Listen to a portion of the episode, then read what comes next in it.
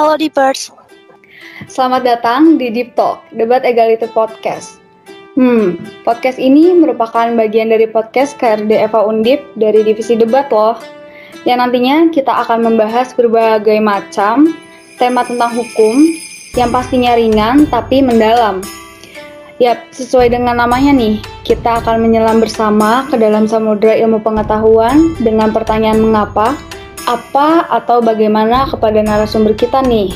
Oh iya kak, kakak tahu nggak ada pepatah mengatakan bahwa tak kenal maka tak sayang. Jadi kalau nggak kenal ya jangan disayang. iya bener banget nih Alifa. Jadi kita kenalan dulu yuk. Hai, kenalin aku Ara. Dan aku Alifa yang akan menjadi pemandu pada acara Deep Talk kali ini nih Deepers. Pada Talk kali ini kita akan berkenalan dengan slogan dari Fakultas Hukum Universitas Diponegoro nih kamu tahu nggak Iva, ungkapan hukum untuk manusia bukan manusia untuk hukum? Hmm, ungkapan apa sih itu kak? Kayak pernah dengar, tapi aku nggak tahu siapa yang mencetuskannya. Itu loh yang digagas oleh Profesor Sacipto Raharjo, Maestro Hukum Progresif. Jadi, podcast pertama ini kita akan bersama-sama berselancar dalam dunia hukum progresif. Kamu tahu kan, Alifa? itu tahu banget dong kak itu ada di materi UAS dan UTS dan kayaknya podcast ini bakal dijadiin referensi buat belajar gak sih kak? Iya dong, bisa dijadiin bahan belajar dan juga menambah informasi untuk teman-teman. Pastinya teman-teman penasaran kan?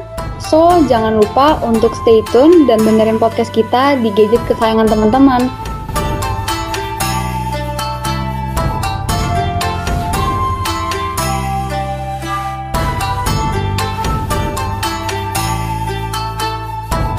Burst, pada perkenalan kita dengan hukum progresif kali ini, kita akan belajar bersama dengan salah satu dosen hukum dan masyarakat di Fakultas Hukum Universitas Diponegoro loh.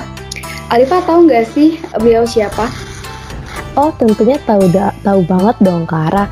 Beliau merupakan Bapak Dr. Afif Mahfud SHMH yang tentunya beliau merupakan akademisi di bidang hukum dan masyarakat yang tentunya ada di Universitas Diponegoro. Wah, keren banget nih. Beliau ini akademisi muda yang sangat luar biasa ya. Oh iya, di pers tanpa berlama-lama lagi, mari kita langsung belajar bersama dengan beliau yuk. Assalamualaikum Pak Fif. Assalamualaikum Mbak Nisa. Mbak apa? oh iya Pak, uh, sebelumnya kita kenalan dulu kali ya Pak. Nama saya Alifa. Kebetulan saya dan Kara di sini menjadi MC dalam podcast kali ini. Uh, Pak Hafiz, bagaimana kabarnya Pak? Semoga sehat selalu. Alhamdulillah, Alhamdulillah sehat banget. Mbak Ara, Mbak Nisa gimana kabarnya? Alhamdulillah baik sih ya Pak. um, oh ya Pak Afif, saya izin bertanya nih Pak Afif. Undip itu kan dikenal sebagai kampus progresif dengan hukum progresifnya ya Pak. Nah sebenarnya hukum progresif ini makhluk seperti apa sih Pak? Oke, gini nih Mbak Ara, Mbak Nisa. Jadi kalau kita bicara hukum progresif, itu gini. Dulu itu ada namanya positivisme hukum. Jadi positivisme hukum itu ya aliran hukum juga. Jadi aliran hukum itu dia melihat hukum itu hanya undang-undang semata gitu loh.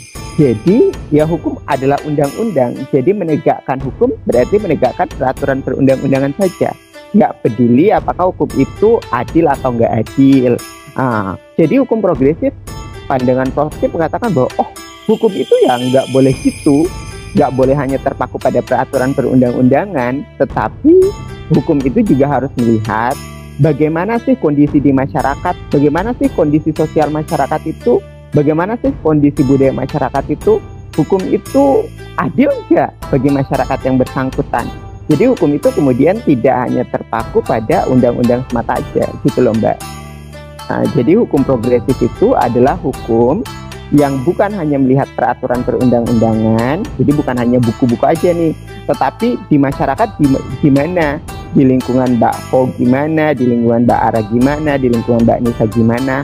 Ini nanti adil atau enggak hukum progresif itu kemudian mau menegakkan hukum yang berkeadilan. Karena bagi hukum progresif itu hukum itu hadir untuk manusia, untuk memberikan kebaikan bagi manusia. Nah, kalau gampangnya gini nih Mbak Ara, Mbak Nisa. Dulu kan e, kalau mahasiswa itu kan selalu bilang gini, fiat ya ruat caelum ya kan biasa itu kalau mahasiswa demo fiat ya ruat caelum nah, jadi gini sebenarnya ini juga sekalian ya di talk uh, sama mahasiswa kalau fiat ya ruat caelum itu sebenarnya positifistik loh mbak sejarahnya nah, jadi itu gini menegakkan hukum itu ya seperti peraturan perundang-undangan semata jadi itu perlu dikoreksi sebenarnya itu sama mahasiswa misalnya dulu sejarahnya ada dua orang pergi ke uh, hutan, ya kan? Itu prajurit kerajaan. Ternyata cuma satu yang balik. Ada putusan raja, itu disebut kiso, sehingga disebut kiso justice kan. Nah, di situ raja memutuskan bahwa orang yang kembali yang cuma satu itu kemudian dihukum mati. Nah, tetapi ternyata setelahnya balik tuh yang dikira jadi korban itu pas dikira jadi korban eh jadi gimana nih orang ini sudah terlanjur dihukum mati maka di situlah keluar civil justice. Civil justice itu artinya tegakkan hukum yang perintah raja tadi itu meskipun sebenarnya orang itu nggak mati meskipun langit itu runtuh. Jadi itu sebenarnya harus dikoreksi. Makanya kemudian muncul ada satu orang namanya Hegel. Hegel itu uh, mengemukakan via justitia neperat mundus tegakkan keadilan tegakkan hukum itu supaya bumi ini tidak runtuh. Karena hukum itu ada untuk kepentingan manusia itu sendiri. Kalau di dalam buku-buku itu disebut uh, fungsi instrumental dari hukum yaitu hukum untuk memberikan kebaikan bagi umat manusia. Itu juga tuh yang hukum progresif itu seperti itu. Hukum yang mampu memberikan kebahagiaan dan kebaikan bagi manusia. Oh, berarti uh, gini ya Pak, uh, keberadaan hukum itu bukan semata-mata normatif aja, mungkin gitu ya Pak ya singkatnya? Iya, hukum itu bukan hanya normatif semata. Jadi dulu gini Mbak Nisa, dulu itu ada satu orang, orang itu namanya John Austin, dia positivistik banget. Positivistik itu artinya positif, positif itu kan kalau diukur berarti ada gitu kan. Nah, positif itu jadi dia hanya hukum peraturan perundang-undangan. Jadi itu disebut bahwa law is the command of sovereign power. Hukum itu adalah perintah bagi penguasa yang berdaulat. Itu bagi penganut positivisme hukum. Tapi kalau hukum progresif tidak seperti itu. Hukum itu oke. Okay. Ada peraturan perundang-undangannya. Tetapi peraturan perundang-undangannya itu tidak cukup harus memperhatikan perilaku di masyarakat jadi kalau bahasanya itu gini loh, Prof. Bahkan kalau kita uh, bicara peraturan perundang-undangan, itu bahkan dikatakan oleh Prof. di dalam literaturnya mengenai hukum progresif, dia mengatakan hukum pro, uh, peraturan perundang-undangan itu cacat sejak dilahirkan, kata Prof. Kenapa peraturan perundang-undangan itu cacat sejak dilahirkan? Karena peraturan perundang-undangan itu kemudian pertama aspek kebahasaan. Dia itu kan atau peraturan perundang-undangan itu hanya e, merupakan abstraksi gimana nih ya kalau bahasanya yang mudah?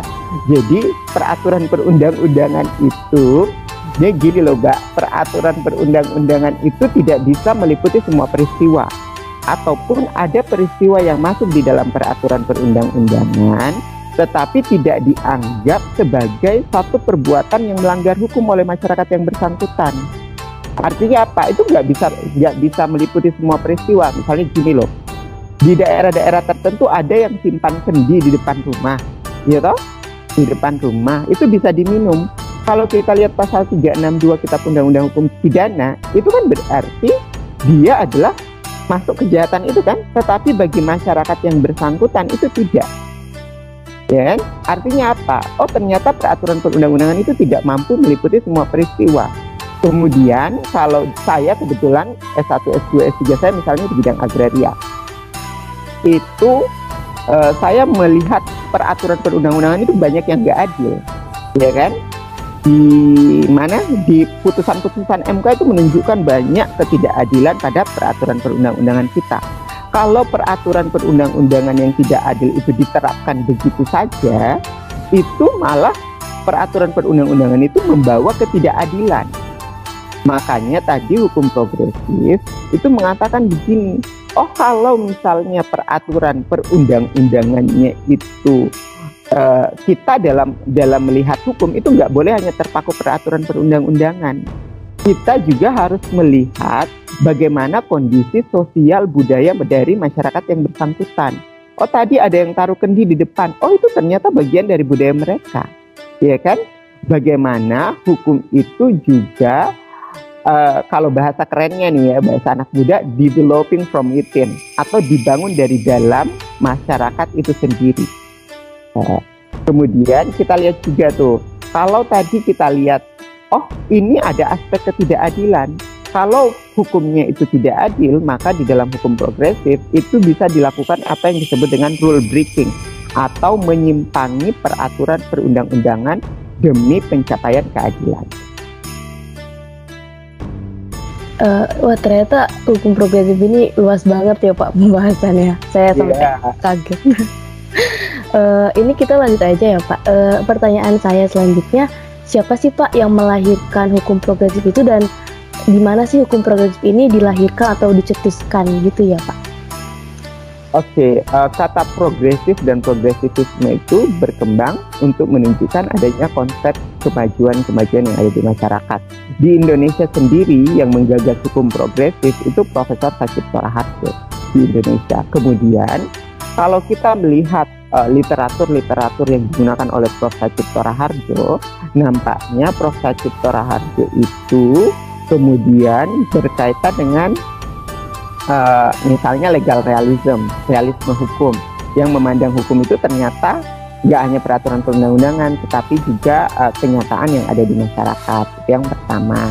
Yang kedua kalau misalnya kita lihat itu juga hukum progresif bersinggungan dengan hukum hukum responsif hukum yang yang responsif. Jadi dulu itu tahun 1960 ada satu uh, ada dua orang nih dua orang. Namanya Philip Nonet dan Philip Selznick. Juga mengarang hukum responsif. Bagaimana hukum yang merespon bisa merespon kebutuhan masyarakat dan juga uh, menciptakan kesejahteraan bagi masyarakat itu. Nah, jadi itu uh, apa uh, hukum progresif itu seperti itu kalau dilihat makan uh, Prof. itu mengatakan begini negara hukum itu harus negara hukum yang membahagiakan rakyatnya Oh, jadi seperti itu ya Pak. Hmm, wah, luar biasa sekali ya Prof. Uh, Sacipto Harjo ini Pak. Ibarat Isaac Newton yang menemukan gravitasi karena kejatuhan buah apel. Um, sel selanjutnya, kapan dan mengapa Prof. Cip ini menemukan hukum progresif ya Pak? Oke, okay. Uh, kalau kita melihat pandangan Prof. Cip, kenapa sih pro hukum progresif itu lahir? Karena hukum Indonesia itu dipandang Prof. Cip itu terkungkung dalam positivisme hukum Positivisme hukum itu bagaimana? Positivisme hukum itu yang saya jelaskan tadi, yaitu hukum yang terkungkung pada peraturan perundang-undangan semata. Jadi, padahal itu artinya uh, hukum untuk hukum, bukan manusia untuk uh, hukum untuk manusia.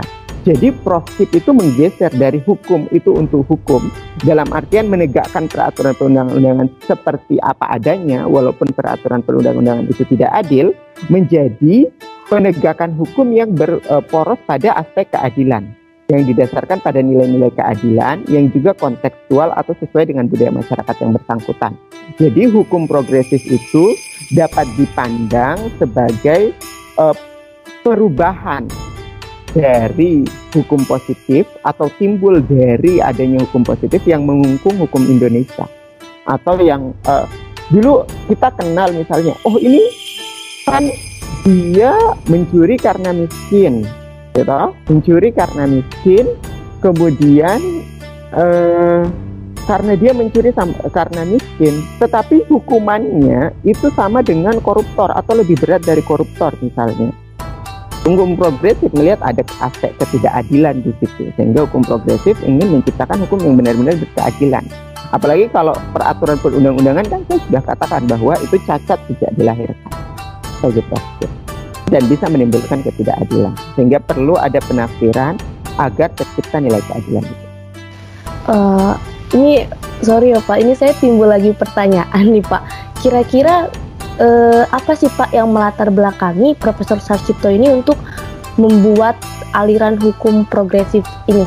Ataukah eh, eh, dan yang kedua pertanyaannya, apakah ada aliran yang mempengaruhi dari keberadaan hukum ini seperti mungkin tadi Bapak sudah jelaskan aliran positivisme ataupun aliran sosiologikal jurisprudensi atau utilitarianisme Pak atau bagaimana ya Pak? Oke, uh, begini, kalau kita bicara hukum progresif itu memang bersinggungan ya dengan aliran-aliran hukum yang lain. Pertama, kalau kita bicara hukum progresif, hukum yang membahagiakan masyarakatnya gitu kan. Nah, bagaimana caranya supaya dia membahagiakan? Maka dia menjadikan keadilan sebagai nilai yang utama.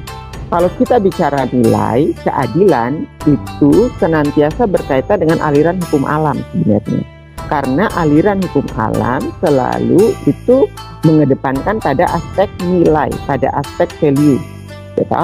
Nah, kemudian kita lihat juga uh, kalau kita melihat hukum progresif, dia juga memiliki keterkaitan dengan aliran legal realism. Nah, legal realisme itu atau realisme hukum itu terbagi dua. Ada realisme Amerika, realisme hukum Amerika, ada realisme hukum Skandinavia realisme hukum Amerika itu kalau di Amerika itu kan e, ternyata tidak hanya melihat hukum itu sebagai peraturan perundang-undangan ansih. Kalau di Amerika itu bagaimana putusan sebelumnya common law. Jadi begini, e, realisme hukum itu seperti ini. Dulu ada penyelidikan bagaimana melihat konsistensi antara peraturan e, putusan hakim yang satu dengan putusan hakim yang lain. Karena common law itu kan e, sumber hukum utamanya adalah putusan hakim kan. Nah, ternyata setelah para peneliti ini ingin melihat memprediksi putusan hakim yang satu dengan putusan hakim yang lain, itu tidak bisa hanya merujuk kepada putusan hakim sebelumnya untuk memprediksi putusan hakim berikutnya, tetapi dia juga harus melihat aspek-aspek realitas dan sosial budaya di masyarakat. Itu. Kemudian sociological jurisprudence. Sociological jurisprudence itu pertama kali dikemukakan oleh Rescue Pound Rescue Pound itu membuat satu jurnal yang disebut dengan Sociological Jurisprudence. Isinya tentang itu. Kemudian uh, di dalam Sociological Jurisprudence itu ada enam hal yang perlu diperhatikan dalam konteks hukum. Nah, secara garis besar ingin dikatakan bahwa Sociological Jurisprudence mengatakan bahwa di dalam proses penegakan hukum itu tidak boleh hanya memperhatikan aspek peraturan perundang-undangan, tetapi juga melihat bagaimana kenyataan yang ada di masyarakat itu sehingga hukum itu bisa bekerja dengan efektif. Kalau kita bicara hukum progresif ada dua uh, dua hal. Yang pertama itu adalah dia ingin menciptakan keadilan atau keadilan substantif, substantif justice. Yang kedua adalah hukum progresif ingin melihat hukum yang sesuai dengan nilai-nilai yang dianut oleh masyarakat setempat dengan kebudayaan masyarakat setempat. Itu yang paling penting dalam ranah epistemologi hukum prosesif. Uh, baik Bapak, ini saya timbul pertanyaan lagi ya Pak, karena mungkin kita sebagai mahasiswa ya Pak, apalagi kita mahasiswa sarjana S1, jadi saya mau bertanya bagaimana sih Pak hukum progresif ini dapat ber, bagaimana caranya agar hukum progresif ini dapat berkembang di masyarakat, terutama di di cakupan mahasiswa atau mahasiswa fakultas hukum sih Pak? Oke, kalau kita mau menumbuh kembangkan hukum progresif di dalam masyarakat, maka hal yang pertama dan utama itu adalah membentuk pemikiran yang progresif dulu. Nah, bagaimana caranya kita membentuk pemikiran yang progresif itu? Ya melalui pendidikan hukum, pendidikan tinggi hukum. Sehingga adanya pemikiran hukum progresif itu kemudian bisa diresapi dulu oleh semua mahasiswa kalian sudah berkontribusi untuk itu dengan membuat uh, membuat podcast ini bagaimana kemudian hukum progresif itu sesungguhnya membentuk pemikiran yang progresif, membentuk pemikiran yang tidak hanya terpaku peraturan perundang-undangan, ingin melihat hukum menciptakan keadilan, itu bisa dimulai dari adanya pendidikan tinggi hukum. Kalau pendidikan tinggi hukum kita sudah baik, pendidikan tinggi kita hukum kita sudah progresif, maka para penegak hukum maupun akademisi hukum itu juga akan punya pemikiran progresif. Pemikiran progresif itu akan mempengaruhi tingkah laku baik dari para penegak hukum itu pada prosesnya menegakkan hukum bukan hanya terpaku pada peraturan perundang-undangan saja ataupun di dalam konteks akademisi hukum pemikiran hukum progresif akan terus berkembang Makanya melalui pemikiran-pemikiran hukum progresif ada yang menjadi penegak hukum, ada yang menjadi akademisi hukum. Penegak hukum menegakkan hukum secara progresif karena penegak hukum yang langsung berkaitan dengan masyarakat bisa menciptakan keadilan masyarakat, sedangkan dilahirkannya akademisi hukum membuat hukum progresif tidak berada dalam kondisi statis. Artinya ide-ide hukum progresif itu terus berkembang dan juga terus meluas, berkembang dan meluas. Artinya idenya selalu uh, dikembangkan hukum progresif itu sendiri, kemudian meluas dalam artian cakupannya itu meluas karena nanti lebih banyak akademisi-akademisi hukum yang lahir dengan memiliki pandangan hukum progresif. Oke, okay? itu yang paling penting sih dalam konteks hukum progresif. Oh, berarti luar biasa sekali ya Pak. Ini perkembangan hukum progresif lama kelamaan mengikuti perkembangan zaman begitu kali apa ya singkatnya ya? Oke, okay. uh, eh, begini. Itu perlu kita lihat sebenarnya. Kalau misalnya kita bicara hukum progresif, bagaimana sih hukum progresif itu kemudian uh, mengamati realitas yang ada di masyarakat dalam konteks kemajemukan masyarakat Indonesia? Kalau misalnya kita lihat ini di Indonesia, kalau kita pakai positivisme hukum yang tadi yang saya bilang hanya peraturan perundang-undangan, itu nggak akan diakui hukum adat. Tetapi bagi hukum progresif, ternyata peraturan perundang-undangan kata Prof. itu hanya menempati sebagian kecil dari jagat ketertiban. Artinya untuk menciptakan ketertiban di masyarakat itu tidak boleh hanya menggunakan hukum negara tetapi ada tatanan-tatanan lain di luar hukum negara yang juga bisa menciptakan hukum progresif. Saya kasih contoh deh bro, uh, ada ada hukum-hukum adat di masyarakat kita. Kalau kita terpaku pada hukum yang lama yang positivisme hukum yang hanya melihat hukum sebagai peraturan perundang-undangan dari negara atau law is the command of sovereign power, maka hukum adat itu tidak diakui tetapi hukum progresif mengatakan bahwa biarlah hukum itu mengalir dalam artian bahwa oke okay, ada hukum negara, tetapi kita juga meng, ek, e, mengakui eksistensi dari hukum-hukum adat yang ada di Indonesia. Karena hukum negara dan hukum adat itu bisa bersanding untuk kemudian menciptakan ketertiban dan keadilan di masyarakat. Nah, kemudian bagaimana nih? Sekarang kita berada dalam konteks globalisasi kalau dalam konteks globalisasi, saya merasa hukum progresif itu akan melihat, menyaring dulu dengan Pancasila. Karena orientasi hukum progresif sana. Apakah ini sesuai dengan nilai-nilai keindonesiaan kita yang intisarinya ada pada Pancasila atau tidak? Itu yang pertama. Nilai-nilai kebudayaannya sesuai enggak? Apakah ini menciptakan keadilan atau tidak? Karena di dalam hukum progresif, kita harus tahu bahwa globalisasi itu berkembang dari barat karena berkembang dari barat itu dia harus masuk dalam filter keindonesiaan, saringan keindonesiaan. Apa itu saringan Pancasila itu? Ketika dia ada di Indonesia, dia harus uh, tidak boleh ditegakkan begitu saja atau diberlakukan begitu saja. Tetapi dia harus menyesuaikan dengan nilai-nilai yang ada di Indonesia. Kalau ternyata hukum uh, globalisasi itu membawa pengaruh yang positif, tetapi masyarakat kita yang kemudian uh, belum berkembang di arah positif itu, maka sebenarnya globalisasi juga bisa digunakan sebagai law as a tool of social engineering, hukum sebagai alat untuk melakukan perubahan di masyarakat. Itu seperti itu. Um, baik Pak, luar biasa sekali nih penjelasan dari Bapak Afif yang telah mengenalkan kita dengan hukum progresif yang sangat komprehensif ini nih di Pers. Iya ini betul banget sih Kak Ara. Aku jadi nambah pengetahuan banget. Ini aku mau ucapin terima kasih banyak kami dari divisi debat KRD mengucapkan terima kasih banyak kepada Pak Afif karena sudah berkenan berbincang dalam podcast pertama kita ini. Uh, tapi sebelumnya aku meminta untuk Pak Afif menyampaikan kesan dan kesannya terlebih dahulu ya Pak. Uh, pertama saya senang diundang di uh, podcast ini di tengah-tengah uh, waktu yang juga ini ya.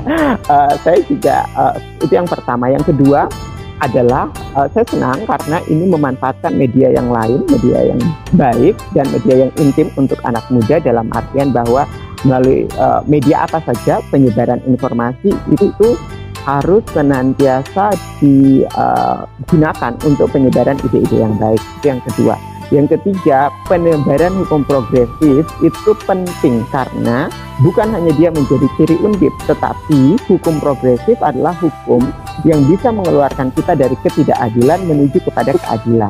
Dalam konteks itulah, maka kalau kita bicara keadilan, keadilan itu ada selalu disebut uh, the primacy of justice, pengarus utamaan keadilan. Nah, hukum progresif ingin ada di situ. Atau oleh Ronald Dworkin dikatakan bahwa justice is the best political morality. Keadilan itu merupakan moralitas moralitas politik yang baik. Uh, Gustav Radbruch mengatakan bahwa keadil uh, konteks hukum itu harus memiliki kesetaraan. Apabila tidak ada kesetaraan, maka tidak ada hukum. Oleh sebab itu, hukum progresif yang ingin menciptakan keadilan harus didukung eksistensinya dan juga gagasannya terus disebarluaskan dan juga diimplementasikan oleh para penegak hukum, termasuk oleh karyan yang nantinya akan menjadi penegak hukum. Baik, terima kasih sekali lagi Pak Afif. Oke teman-teman, berakhir sudah di talk episode satu kali ini. Terima kasih kepada teman-teman yang sudah mendengarkan, belajar, dan mengenal hukum uh, progresif bersama divisi debat dan narasumber kita pagi ini, Pak Afif. Tapi jangan tetap sedih, karena nanti akan ada edisi episode-episode lainnya yang tentunya akan menyelam bersama di dalam samudera ilmu pengetahuan yang sangat luas cakupannya. Dan setelah dari podcast ini, mari kita terbitkan dan bersinar selayaknya matahari di pelupuk senja Tuan dan Puan. Kami, Alifa dan Kak Ara, izin pamit dalam episode podcast kali ini ya. Demi Alma Mater, demi Nusa dan Bangsa, KRD Eva Undip. Salam intelektual muda, terima kasih banyak Pak Afif. Terima kasih Pak Afif.